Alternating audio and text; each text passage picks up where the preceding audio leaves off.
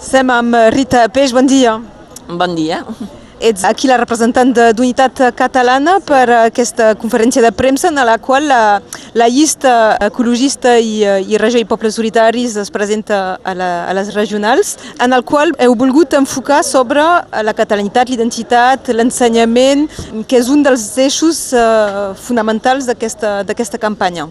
Sí, Unitat Catalana el que pretén és, d'una banda, col·laborar a fer pressió de manera a canviar el subtítol, com a mínim, de la regió, perquè hem esdevingut invisibles. I això recorda, en efecte, quan ens vam haver de mobilitzar per la eh, Septimani, bé, és del mateix ordre. Doncs això ens retrobem sobre aquest punt que per nosaltres és essencial ens retrobem també eh, sobre les relacions transfrontereres a nivell tan cultural, perquè som convençuts que la cultura és un motor també econòmic, i també eh, a nivell dels transports. Avui tenim l'exemple del TGV, el preu del qual, eh, si vols anar de manera quotidiana a la Catalunya del Sud, no t'ho pots permetre perquè el preu és molt car. I és una llàstima perquè eh, justament aquesta mobilitat eh, transfronterera no es veu recolzada per aquests transports i és una llàstima perquè tenim d'una banda i l'altra de la frontera persones que desitgen viure en aquesta regió transfronterera i venir a treballar d'un costat i de l'altre i això és un impediment, que sigui en un sentit o, o, o en l'altre. També el desenvolupament, evidentment, de, de l'ensenyament del català i en català.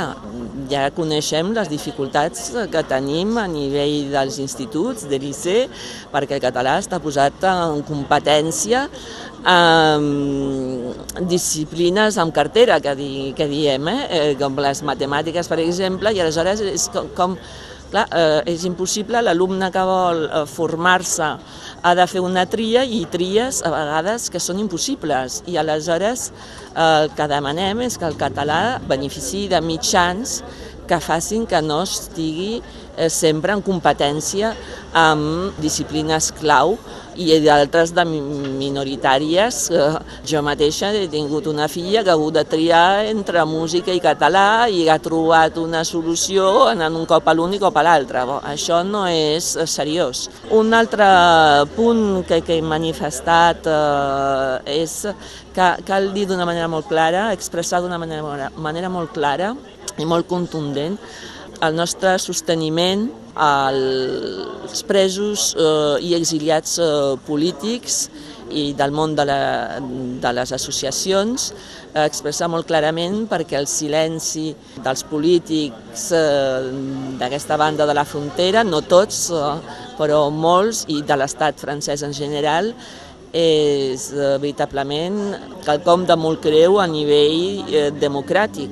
I això era un, també un punt que Unitat Catalana volia en efecte mencionar, no descuidar que hem de ser solidaris de que està passant a la Catalunya del Sud i ho hem de, de dir a fort. Rita Peix, no podem obviar tampoc que aquesta setmana hi ha una manifestació aquest, aquest dissabte en contra del recurs a la llei Molac i a favor de, de l'ensenyament d'aquestes llengües.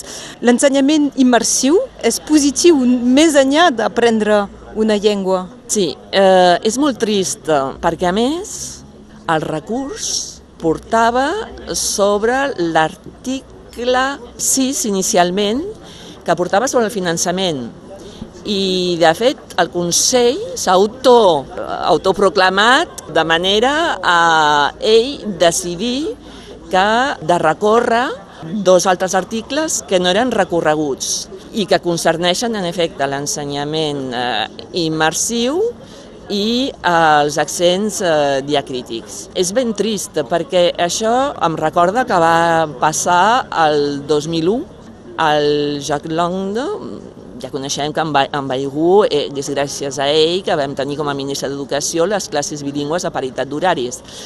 En Jacques Londo va anar més lluny i va publicar les modalitats afegint l'ensenyament immersiu. jo l'he conservat, aquest, eh, aquests textos oficials estan força ben escrits i malauradament va haver-hi el mateix problema, és a dir, que el Consell Constitucional va decidir que com la llengua de la República és el francès, doncs no podia ser legal.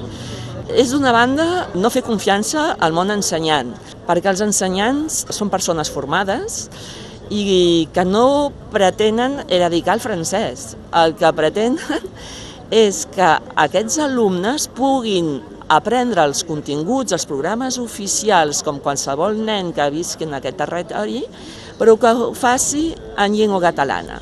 I també les escoles immersives tenen unes hores en francès, que això no es diu. I és desconèixer els treballs científics que demostren que l'alumne transfereix el que ha après en una llengua dins l'altra.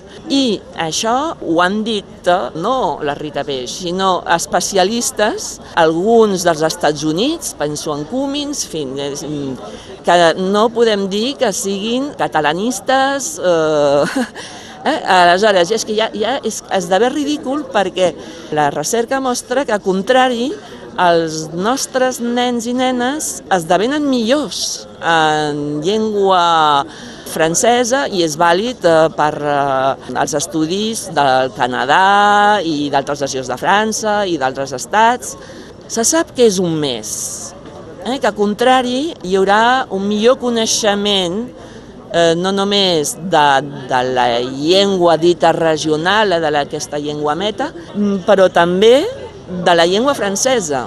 I és això que és, eh, que, que, que és trist, perquè vol dir que les persones que prenen aquestes decisions no deuen, al meu parer, consultar les publicacions, els estudis que demostren, que analitzen els resultats dels nens i nenes i que demostren, com els mateixos resultats a Catalunya, que les competències, a contrari, en la llengua oficial, en aquest cas eh, el francès, a contrari, són millors. I, i és per això que és, és ben bé un gran error des del punt de vista democràtic i científic. Els beneficis del, de l'immersiu, de la llengua i d'aprendre una, una segona llengua, sigui quina sigui aquesta, aquesta segona llengua finalment. Rita Peix, moltes gràcies i fins aviat. Gràcies, gràcies a tu. A reveure.